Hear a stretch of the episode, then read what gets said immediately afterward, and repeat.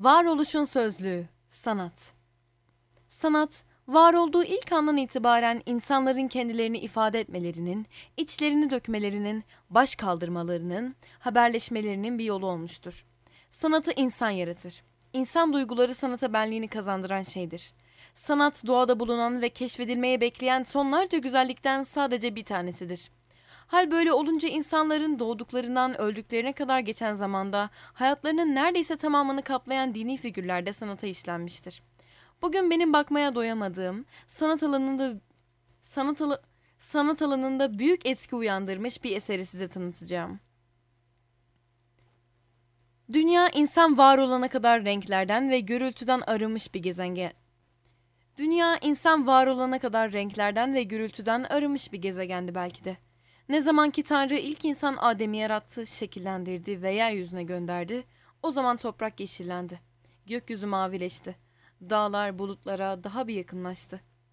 Bundan yaklaşık 510 yıl önce yani tarih 1511'i gösterirken Avrupa Rönesans dönemini yaşıyordu. Halk sokağa dökülüp maruz kaldıkları düzene baş kaldırırken şu anki konumuyla Vatikan'da bulunan Papa ibadethanelerine daha çok çekilmiş, kendi içine daha bir kapanmıştı. Bir gün bulunduğu yer olan Sistine Şapeli'ne, orijinal ismiyle La Capelle Sistina, freskler yaptırmak ister ve dönemin ünlü ressamlarından birisi olan Michelangelo'yu davet eder. Michelangelo ilk başlarda Papa'nın bu teklifini katiyen kabul etmez. Çünkü bilindiği kadarıyla kendisi dinle çok içli dışlı biri değildir ve bir ressam olarak Papa'nın misafiri şeklinde anılmak, bu muameleyi görmek onu rahatsız eder. Her ne kadar içinden gelmese de bu özel istek papadan geldiği için kabul etmek zorunda kalır ve Sistine Şapeli'nin tavanına 9 muazzam fresk çizmek için kolları var. Fresk, ıslak alçı yüzeye boyanın sulu boya gibi sürerek uygulandığı bir resim tekniğidir. Yüzey kurudukça kireç, pigmentin sıvaya nüfuz etmesini sağlar. Michelangelo eserlerini çizerken bu tekniği kullandığı için 9 fresk de günümüze kadar korunup sapasağlam geliyor. Çizdiği freskler eski ahitte bulunan yaratılış öyküsünün 9 sahnesini resmediyor. Bu 9 sahnenin isimleri aydınlık ve karanlığın ayrılması, güneş, ay ve bitkilerin yaratılması, suların ve karaların ayrılması, Adem'in yaratılışı, Havva'nın yaratılışı, ilk günah ve cennetten kovulma tasvirleri, Nuh'un kurbanı, tufan ve son olarak Nuh'un sarhoşluğu.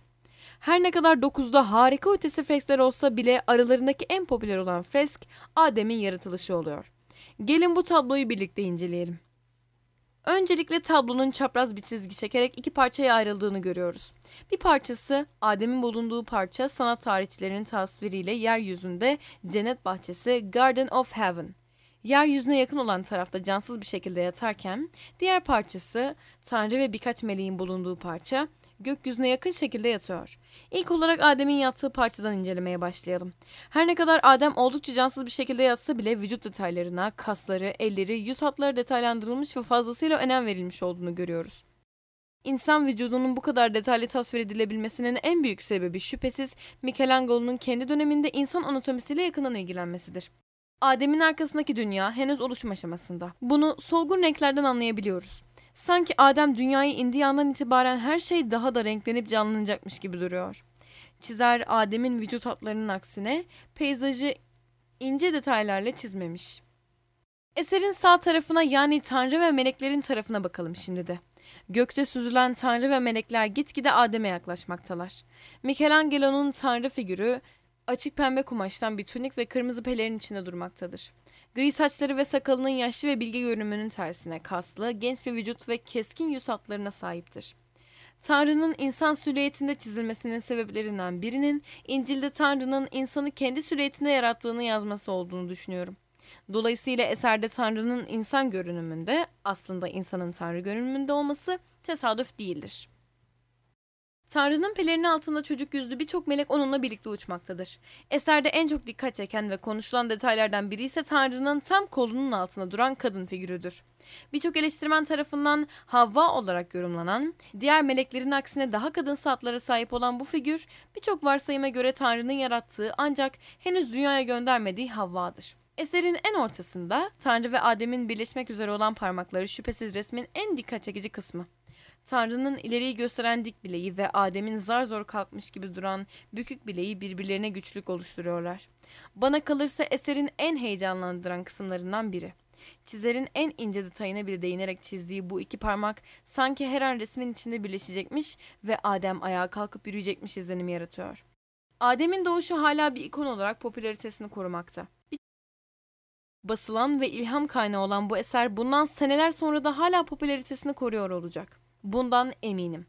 Eserin bu olağanüstü başarısının sebebi ise şüphesiz Michelangelo'nun kusursuz anatomik detayları ve resme kattığı küçük, heyecan uyandıran parçaları. Naçizane fikrim eğer Michelangelo eserinin bugün sahip olduğu değeri bilse, geçmişe dönüp Papa'nın teklifini hiç düşünmeden kabul ederdi. Dante D.